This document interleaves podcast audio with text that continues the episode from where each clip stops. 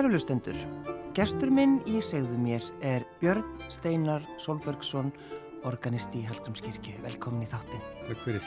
Er þetta tjá allar tilfinningar á orgel? Já, ég held að bara sé fullkomni lýsingi á orgeli sem hljófari. Já. Orgeli spannar allan tilfinningaskalan. Það spannar mystík, það spilar í sorg, það spilar í gleði, það spilar allt frá því veikasta yfir því sterkasta. Þannig að það bara, já, það er bara fínlýsing á orgelinu. En það er eitthvað, það er svo gaman að horfa á ykkur setjast við orgel Mm -hmm. og, og einhvern veginn bara hvernig þið svona, það er svona, svona eins og þið séð að setja það einhvern veginn í gang. Svona Já. og, eins, og, eins og gamlan bíl.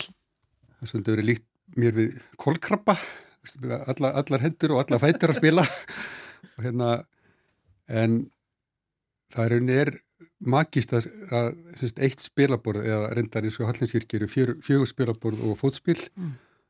að þetta litla hljómbor geti spilað á þetta stóra hljófari og það er náttúrulega galdur út af fyrir sig sem að orgelsmiðnir, orgelsmiðir aldana fær okkur og það er rauninni bara ákveðin galdur Mm. að fjögur spilaborð og eitt fórspil geti spila á 5275 pípur og hljófari sem að vegur 25 tonn eins og orgar í Hallinskirkju Þa, það er svona þúnd.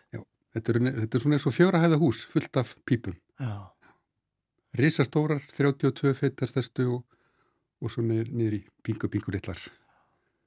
Og það er núna gaman að er leikskólakrakkar hafa verið komið heimsókn í kirkjuna til okkar og koma reyndar aðvindun líka, heimsækja æskulisvöldrún okkar hann er Kristni Rós og það er alltaf gaman að sína börnum orkelið. Þau eru alveg gáttuð, gapand og gáttuð að fá að heyra þessum hljóðum sem þetta hljófari getur búið til. En af hverju fórstu þessa leið, Björn? Að vera organisti? Já. Það er kannski margar ástæður. Ég ólst nú upp á heiminu þar sem að bæði mamma mín og amma mín sungu í kirkvöldmakarþessi. Ég er skagamæður og síðan uh, byrjaði þessum ungu drengur að læra á píano.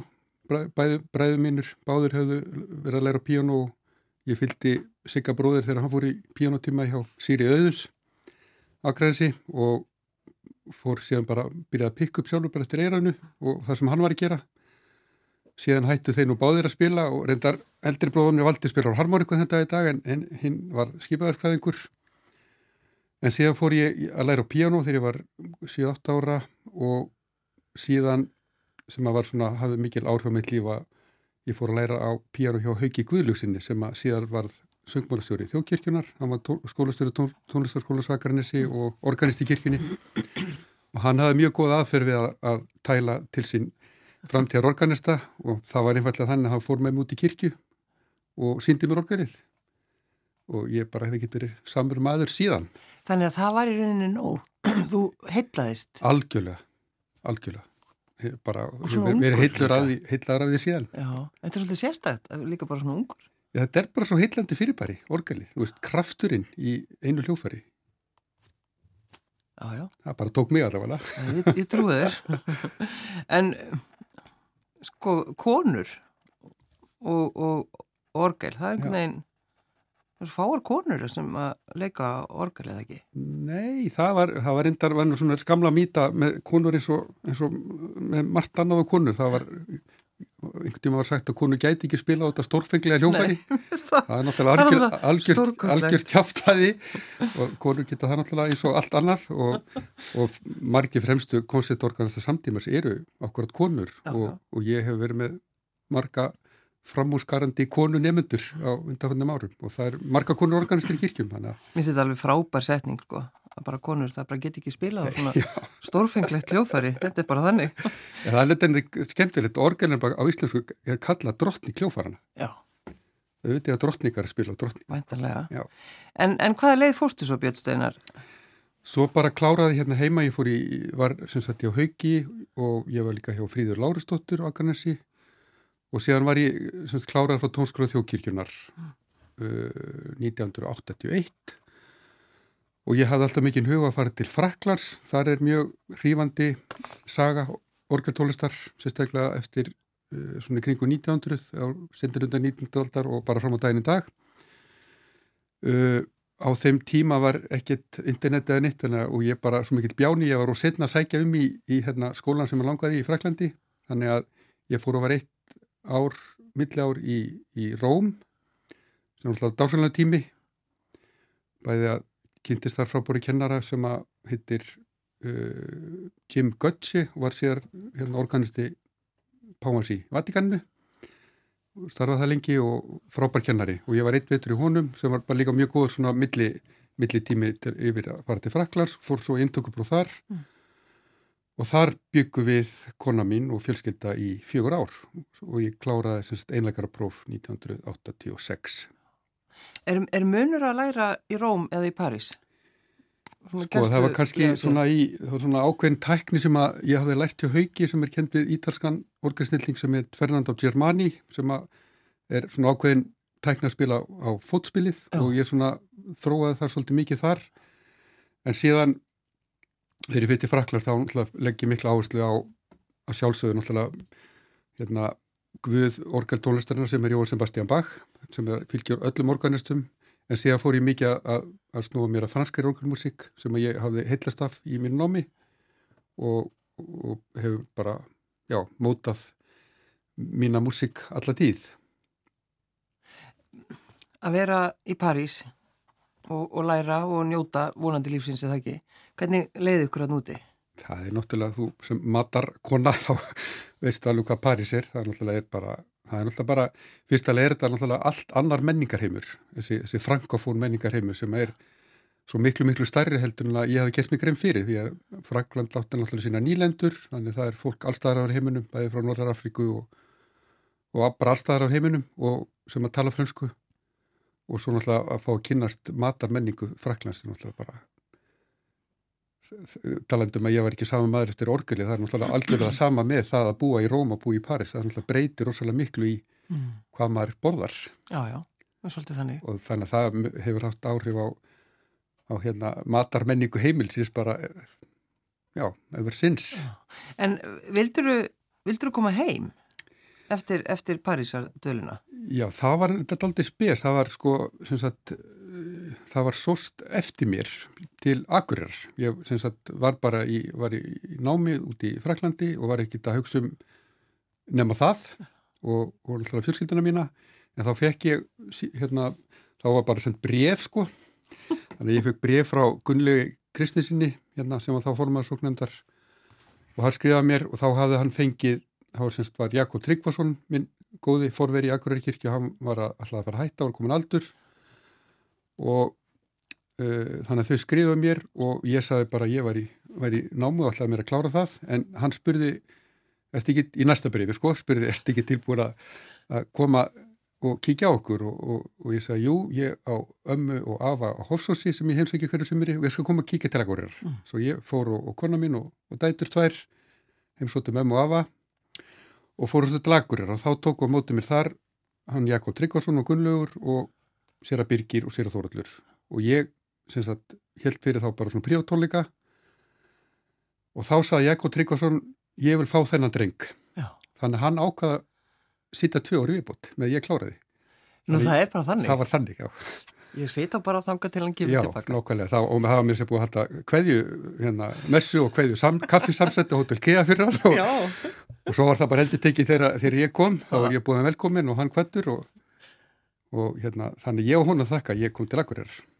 Og, og mannstu, mannstu tilfinninguna þegar þú varst að spila fyrir þá? Eða leika fyrir þá? Já, það var náttúrulega, auðvitað var það þannig að það sem að heitlaði mig þar var sjálfsög orgelið. Það er, er það alveg frábært? Það er alveg frábært orgel í Akureyri og, og hann átti, hérna, og það er doldið skemmtileg tilvíðan að það var víkt 1961 sem er fæðingaróri mitt. Þannig að við erum jakkumul, ég og orgel í Akureyri og það hefur mjög mikið sjárma, það er opbóslega svona romantískar og fallega rattir í því hljófari þannig að það hyllaði mig og, og, og dró mig og okkur öll til akkurir og ég myndir í hugsaði þegar við komum þángað allir verðum ekki svona fimm ár. Og þau eruð 20 allt í allt. Sem sagt ég starfaði akkur ekki ekki 20 ár. Og það var indislegu tími. Hólu dætunar okkar og eldri doktor okkar býð þar ennþá með sín börn að, og við höfum mjög sterkar tögar Þongað. Já, þið byggðu ykkur hús og... Já.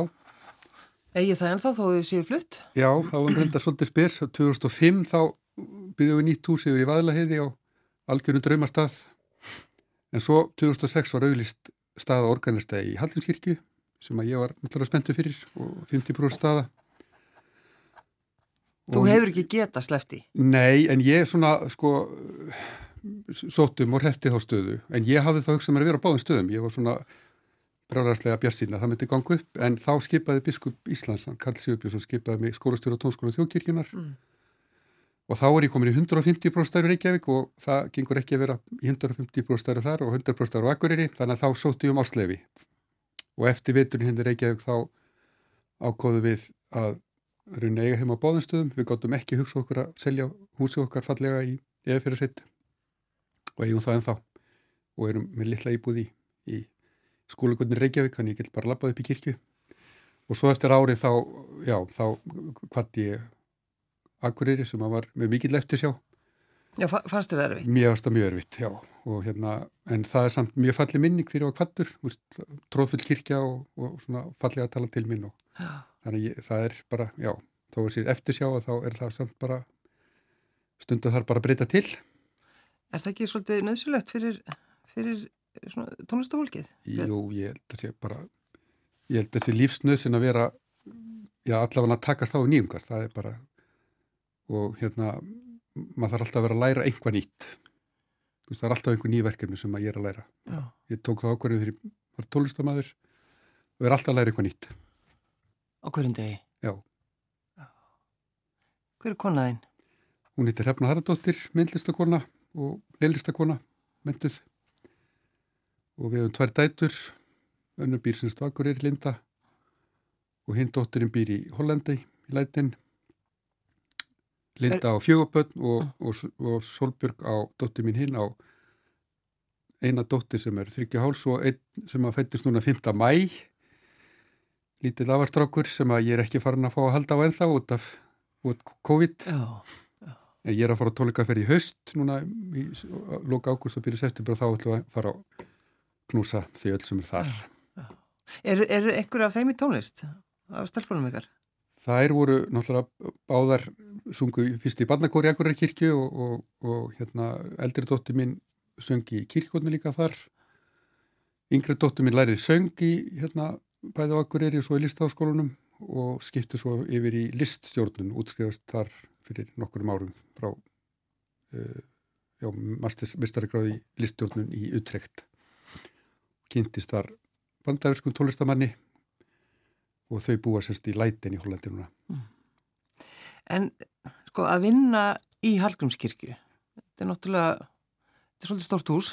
Já, það er náttúrulega bara stórkostlega vinnustæður, Já. þetta alveg ótrúlega hljófari sem að það er, sem er alveg á algjörum heimsklassa og líka þetta hljóðurými sem er, er algjörlega bara ídeal fyrir orgelið og fyrir kortólist, þannig að þetta er algjör drauma vinnustæður Mm. og náttúrulega búið að vera flaggskip í kirkjutónlist í ára tugi. Og hvað, sko hvað, til dæmis eins og með sumarið og núna eru náttúrulega, við veitum að ferðamennir eru að mæta. Þú Já. rauninu búin að vera bara einn í kirkjunni og þau geta æftið mjög vel. Engin trublun.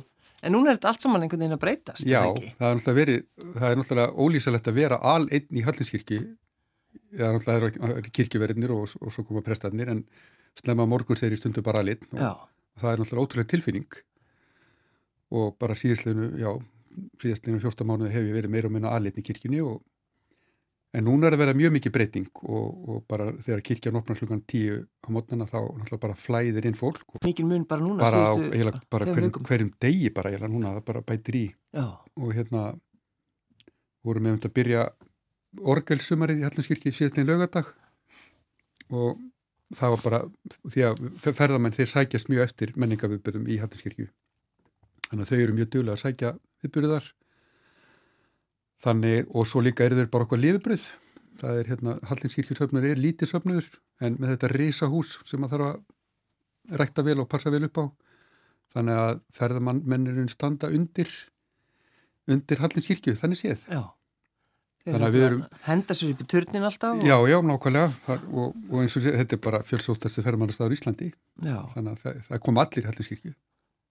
En að því hún nefni þetta orgelsumar í Hallgrímskirkju, þetta er náttúrulega búið að vera, er það ekki alveg mörg ár? Jú, er orgel var vikt 1992 og reynir bara strax sumar eftir var bara að stað með svo tónleikaröð. Og hefur verið bara síðan? Já, mjög bara mikilvægur hluti af menningarlífi Reykjavíkur yfir, yfir sumatíman. En, en hvað þýðir þetta? Hvað, er, eru endalísi tónleikar eða? Já, þetta þýðir, þýðir raunni orgalega svolítið í fókus og hérna þetta er líka, þetta er bara alveg frábært fyrir ferðarfólk sem langar að heyri orguninu, langar að koma í kirkjuna. Þannig að þetta er, þetta er svona tvennar sem að, sem að virka mjög vel og og hérna og það er núna í sumar, þetta hefur verið líka semst, bara líka alþjóðleg orgelhátti það hefur verið koncertorganistar alls þar á heiminu sem koma og það er mjög eftirsott að fá að spila í Halliskirkju en núna út af COVID þá var, var hérna bæði núna og í fyrra var ákveð að hafa íslensk organista og það er svolítið persónlega tengi ekki í sumar að því ég er að vera 60 yfir í haust þannig að, að hérna, öll þau sem koma fram í sumar eru fyrirverendi eða núverendi nefndu mínir. Og ég uppkvötiði það núna snemma árs þegar ég fór að hugsa um hvað ég ætla að gera þegar ég verð 60 yfirleitt er organisti heldur upp á amalsitt þá er það 150 manna veistla með, hérna, með kórfólki og, og samstagsfólki en, og þannig var það þegar ég var 30 og 40 og 50 en núna langaði mig að gera aðra hluti og, og í fyrsta lagi langaði mig að ná öllu fólkinu mín saman. Eins og ég sagði þá býr dóttu mín í Hollandi og fjölskyttan hennar og ég á afastelpur sem býr á Möldu og það er svona mín uh, já, það er svona það er mitt markmið þessu ári er að ná þeim öllum saman. Mm. og það er svona, þetta er svona litla 15-20 manna visslu í húsinu okkar fyrir norðan. Það sem verður mikil hérna matar hérna ástriðu vissla og hittir að mér langar að ná saman öllum þessum nefndu sem ég útskrifa í gegnum árun. Ég aukvöldi að það eru 19 sem ég útskrifa sem kantora eða er í farmarsnámi í kirkjutónistælendis og þau sögðu öll já við mig. Það eru tvö sem komast bara ekki. Mm. en það eru semst 17 af þessu 19 ætla að spila á menninganútt í Hellinskirkju það verður Orgel Marathon.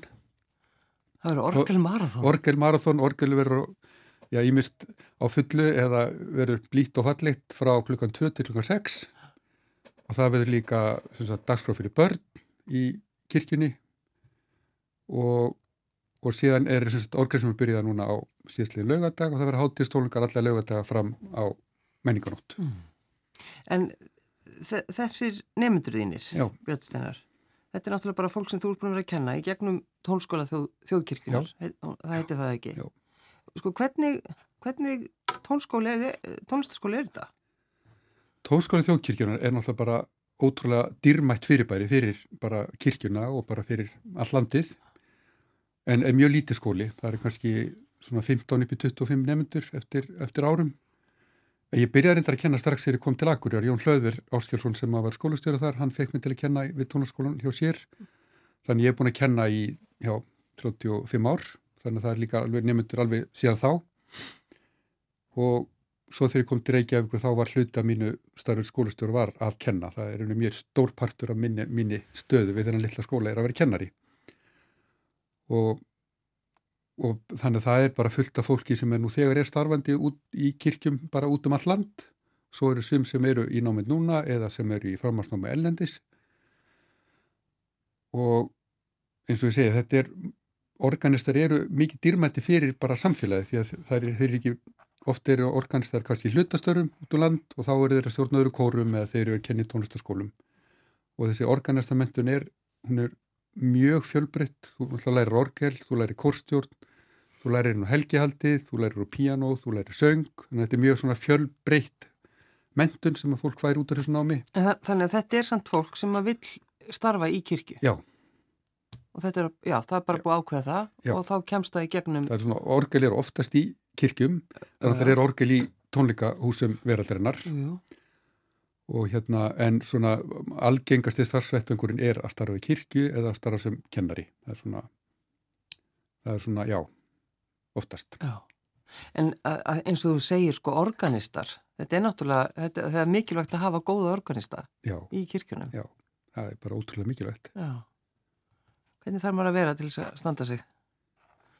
Sko, nummer eitt þarf maður að vera góð tónlistamæður og hafa þessa vitt í hérna, það er svona stundu satt organist að séu hálfgeir svona kamiljón, þau þurfa að geta eiginlega allt sko, spila organist og kór og, og spila alls konar músík frá öllum tímum. Og það er oft alveg, það er ótrúlega róskið sem við fáum hérna til okkar, við til og meins vatafnir og við reynum að verða því eins og við getum Já, það er svona einhver förðuleg lög sem við hefum kannski aldrei já, já, leikið á. Já, sumt er nú, já, orgili getur svo sem eiginlega allt, sko. Já. En hérna, en sumt fer bara betur á önnu hljófari og þá bara segir maður það. Já. En hérna... Já, þannig að orgili velustundum, það er bara, það er ekki, það getur ekki spilað... Það getur eiginlega spilað næstu allt, sko, já. En sumt hljóma bara betur á Já, það hljómar eiginlega allt best og orgel svo ég sem ekki pýru hlutræður en svimt hljómar bara já, það er svona meita það hverju sinni. Já, þannig að og, og svo náttúrulega eru þið að taka þátt í í bara lífi fólks. Já, er það líka? Jú, ég held það líka einmitt samskiptahæfi líka er mjög mikilvægur hluti af þessu starfi að við erum að hitta fólk í alls konar aðstæðum bæri við brúðkaup og skýrnir og líka í sorg og maður þarf að koma fram að vinningu við fólk í þeim aðstæðum. Og það er bara mjög mikilvægur hlutistar sem er samstarf og líka bara við fólki í kirkini það er, ég stundi að lísti að prestur organist, þetta er bara næstu eins og hjónaband. Þetta er mjög, mjög hérna, náið samband og þarf að vera það og, og bera vinningu hvort fyrir öðru. Þannig ég legg mig klásla á það í í samtali við mína nefnendur og, og hérna og ég hitti líka Guðfræði nema á kynniðum starftónskólans og þá einmitt er ég að tala um þetta með bara kynniðu hvað, hvernig starforganist það sér og, og, og er að tala um þetta samstarf. Og svo segja alltaf í lókið við og munum svo að vera góði organistar ykkar Svo er þetta ekki bara eh, besta sem þau geta farið út, út í? Jú, út ég, já og líka bara við erum góðið prestar okkar, ég held að segja þetta er bara, bara mannlega samskipti sem að en það er svo mikilvægt. Já, en það er oft svo gaman að sjá svona þessar staðal ímynd af organista. Já. Hún er alltaf svolítið svona skemmtileg. Ég fer alveg að detti inn í hana svona næsta ári. Það er ekki nú með mikið hár einhvern veginn, þetta verður svona úvið hár. En þetta hefur verið svolítið svona í gegnum tíðina. Já, gamli, gamli maður hérna, já. Já, spilandi í dímatókutun og fúkur í ykkur bíóvitt. Já. En tala, já, það er, það er náttúrulega eðislegt að vera gammal og spila dímatókutun í sjóarbi, það er eðislegt, en hérna, eins og að segja með konar, þú veist, þetta er bara, þetta er svo, veist, það er bara fullt af ungu konum að starfa í kirkini sem bara frábæra organistar, hvort sem það er kirkjorganistar eða koncertorganistar. Mm. Þannig þetta er, það er bara gaman að halda í mítuna, það er bara, já, já. Það er en, bara allt í lagi. En það er líka bara svo gaman að hugsa eða bara pæli hvað er skrítið, þú veist, þegar einhver bara, einhver kall hefur sagt að konur get ekki spila á orgar, þetta er svo, þetta er svo galið. Já, já, þetta er bara margt sem að hefur sem betur fyrir breyst til þess betra, sko, og margt sem að eftir að breytast til þess betra, vonandi. Hvað ætlar að vera lengi að, að vinna?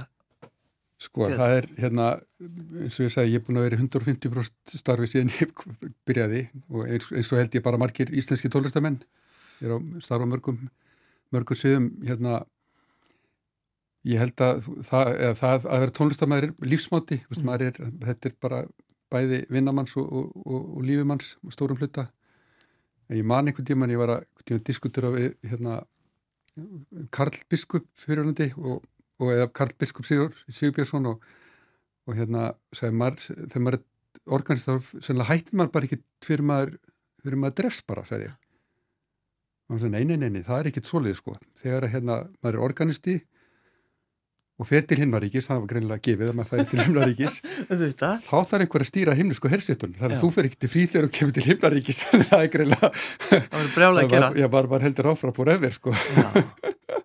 en, en núna líka, Björn Steinar, ert þú að, að, að byggja upp kannski næsta vetur, er það ekki, í kirkjunni? Þú, nú, nú þurfum við að, og Já, já, nú er verið að byggja upp á nýtt, já. það eru breytti tímar kirkjunni og, og það er búið að auðvisa eftir, Hallinskirkji er búin að auðvisa eftir kórstúri 50% starf. Og þannig það er núna stefnun á að stopna nýjan kór Hallinskirkju næsta höst og uh, orkel sem er að byrja um síðustu helgi. Og nú er sem sagt söfnur búin að setja það í forgang að byggja upp tónlistalífið Hallinskirkju og setja mér þar í forsvar þannig að það er náttúrulega risavaksið verkefni eins og sagði Hafningskirkja búin að vera flagskipi í kirkjutónlist í ára tugi Og ertu strax komið með hugmyndir? Já, ég er búin að skipir ekki að langt frá maður næsta ár svona hvað var að tónlistalífið en það er gert allt bara í mjög nánu samstarfi við fólkið mitt, samstarfsfólkið mitt í kirkjunni og, og nummer eitt var náttúrulega að, að skipleika kirkjusöngin í sumar. Mm. og það hefur tekist mjög vel, bæði gestakórar sem er að koma að heimsækja okkur og, og síðan bara byggja upp á, á svona hópi frábæra, það er mikið frábærum atvinnusöngurum sem er mjög velmenta fólk þannig að þau eru að syngja svona í kvartett. Og, og hérna þannig að ég byggja á því í sumar. Og síðan bara stofnum nýja kórnista höst mm. og bara höldum áfram.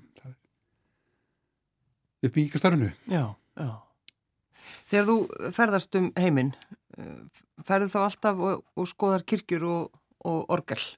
Já, það er nú, það er svona líka einn partur af mínu lífi er að, að, að koma fram á orgelháttu um ellendis og ég hef búin að gera það bara, bara síðan kom heim. Þannig ég ferðast mjög víða og komið fram á tólingum og ég mynd núna í haust er ég að fara til þekka þátt í Norrinni kirkitólstarhátti í Finnlandi, spila þar að tveina tólinga og ég er að spila í Oslo og ég er að spila í Þískalandi Er það mikilvægt fyrir því sem músikant? Það er mjög mikilvægt, það er bara svona, það er mjög mikilvægt partur af mínu lífi að, að að, hérna, og hann líka bara, náttúrulega líka búin að vera mjög mikilvæg partur af mínu lífi í bæði Akureyri-kirkju og í Hallinskirkju, það er náttúrulega mjög, hefur verið mjög upplugt tónleikahald þar og það er svona mitt, hvað maður segja, mitt forti er orgelið Já. og svona sem ég hef lagt mjög miklu áherslu á og það er líka bara það að vera taka þátt í orgelháttíum ellendis að það er líka mitt talandu um það að vera alltaf endurni sjálfins því að það setjum mikla pressu á mig að að læra nýverkefni og að kynna íslenska orgetólist og, og kynnast nýjum orgelum, kynnast eh, organistum allstæðar heiminum. Og það líka myndar mikið tengsl, það er mikið fólki sem ég kynnist á sem að kemur þá og spilar um mér og svo framvegs þannig að það er bara mjög mikilvæg partur á mín lífi, þetta, þetta tónleikahald. En bara svona, þú veist, þú ert alveg í frí og reynir að losa, losa þig við orgelið ferðu samt og sækir í að skoða Hverja gamla sko, kirkjur? Ég reynir helst, sumari vil ég svona frá miðjum júli fram með miðan ágúst, þá vil ég helst bara vera í húsinu mínu ég er fyrir því, ég er með grammitiskarðar sem að lífrandrættun er mikilvæg á partinu mínu lífi ég er forfallin flugveiðimaður þannig ég fyrir að veiði mikið á, á svona það er já svona frá miðjum júli fram með miðan ágúst þá er svona besti tími sjóblíkunar þá segir ég nei við öllum tólikatilbúðum eða öll, allir vinnu. Þú bara gerir það? Já, þá bara þá vill ég vera í Íslandi, ég vill vera veiða, vill vera með fjölskyldunum minni, fyrir ekki þetta er ekki alveg rétt fórkarsögun, ég vill vera með fjölskyldunum minni, ég vill vera veiða, ég vill vera í gardinu mínum. Eins gott úr í vesinni. Og fá góða gesti heimsókn. Já. Já, það er bara, þetta, þetta er, og það er bara, hlæði í mig, það er bara svona, já, það er svona mín, þetta svæði, náttúran og gardinu mín og, og, og, og hérna, maturinn og allt þetta, þetta er, þetta er hérna, já, þarna endunni ég, ég sjálfa mig. Sko fluguveðin já. og þögnin. Já, ég reyndar er sko sem er haldið að mest það sé afslappilsi, ég er eins og þannig að ég er svo, ég er, ég, þetta er svona eina skipti sem ég hugsa ekki neitt um músík, það er þegar ég er að veiða, þá er ég bara einhvern veginn, ég er, ég er algjörlega, ég er svo einbyttur í veiðinni að ég er, sko ofta er ég algjörlega örmagna því að það fylgir mikil, mikil kánga líka, það er maður að finna hvað bleikjunar eru. Já þannig að ég, það er ekkit svona ekkit, þú veist, auðvitað kvílum að sé þegar maður er í hlýðan eitthvað svona já, já. en ég er einhvern veginn ég er, ég er rosalegur veiðumar þegar ég er að veiða þetta er bara svona eina frum kvötum lífsins. Og hva, hvað ertu þá að veiða helst Björnstein? Það er, hefur verið algjörlega bundið við Norðaland eins og ég sagði þá heimsóttu við ömmu mín og afvalda hann fyrir Norðan í Skagafyrðin mm. en ég er búin að veiða í mjög mörgum á í Skagafyrði og svo líka í Eyjafyrði það eru algjörlega perlur þar. Og svo líka yfir þingjaðsíslu í Urriðaviði. Já Þannig að, já, ég bara feina að heyra að sé eitthvað annað. Já, nákvæmlega, það, ég held að það verður, þó að tólist þessi ástriða, þá held ég að allir hefa gott í að geta að tala líka um eitthvað annað. Já. Geta að tala um mat, geta já. að tala um veiði. Já, já. Og hérna, svo ertu náttúrulega færðu að, að veiða og, og, og borða. Já. Og borða fiskinn. Já, það er bara, það, það er, og það er líka bara þannig með, öll fjölskylda mín er bara villir sína mat saman hvort það er ferskshópilíga eða taðuríktur öryði þau eru öll brjálið þetta þannig að þeir eru fjölskyldavislu þá gengur það mikið líka út af þessa villibráð. Já, já. Þannig að þú, þú, eldar þú þetta eða? Já, ég er svona, það er svona eitt, hérna, já, það er bara skilda allt sem ég veiði skuli vera að borða af minni fjölskyldu eða, eða, eða ættíkjum og, og vinnum. Þannig að ég, ég, hérna, ég vil ekki deyða dýrinum að það sé nýtt alveg upp til lagna. Nei, já. væntanlega. Já. Þannig að núna verður í þessu, en... E, já, eftir næstu helgi, ég já, er, er að færi sumafrí, verði mánuð og þá bara er ég þar Og svo ætlar að takast á við það að verða Mamma mín er verið nýræð á, á hérna á, á hérna 15. næstu viku þannig að við ætlum að halda upp á það hún sagðist henni er ekki vilja að halda henni að veistlu en ég spurði má ég koma? Og segi já já þú mótt koma svo þannig að hún er, í, er að fara í Hofsós um helgina og það verður partur af fjölskyttunni bræðir af börnum mínum og, og, og, og hérna eitthvað minni fjölskyttu sem að ætlum að helsa upp á hana. En hvað þú ert heppin, eiga, eiga mömmu. Já. halda upp á nýræði samlega sitt. já, og þú sextur, ertu búin að undirbúið undir það, en finnst þér að vera, verða gamall? Meina að hún veri nýrað að ég veri sextur? Nei, að þú veri sextur Hún er náttúrulega ung. Ég er miklu meira hýst af því að hún skulle vera nýrað heldur, ég skulle vera sextur Ég, einhvern veginn bara ég pældi einhvern sem ég var 50 en Já. svo er ég bara steinættur á pælis En ertu sko, að þetta er svona þú veist, þú ert sextur, þetta er tímamót. Um, Ertu á akkurat á þeim stað sem þú ætlaði að vera á? Vá, já, þetta var eiginlega spurningin sem að því að maður heyri því átt komið eitthvað svona sjokkspurningar í upphæfið þáttar. Og ég fóði inn í lok þáttar sko bara held ég að mjög mörgu leiti já, ég er haf mikið samlega giftur og yndislega fjörskildu og, og fæ að starfa í starfi sem að bæði sem organisti og sem kennari. Þannig að bara, já, ég myndi bara mörgu leiti segja það. Mm. maður far aldrei allt sem maður langar sko. En svona mjög mörguleiti Er ekki ágætt bara enda þessu? En þú þarft að skýra út tónlistina sem við Já, það var taldið skemmtileg þú baðst um Jóni einhverja geggjaða brjálaða orgelmusík Brjálað djam, sagði ég? ég brjálað djam, já, já. ég fann bara fann brjálaðasta orgelverk hérna, tónlistasjónar sem er eftir Jón Leifs.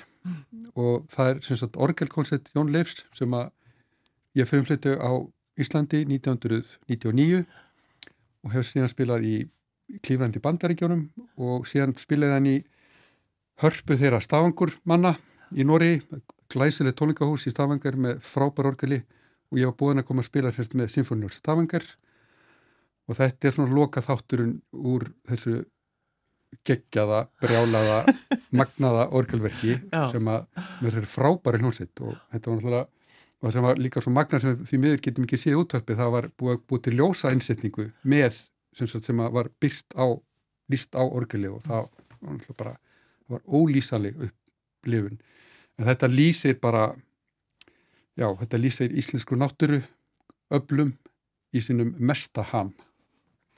Björn Steinar Solbergsson, organist í Halkunskirkju Takk fyrir að koma. Takk fyrir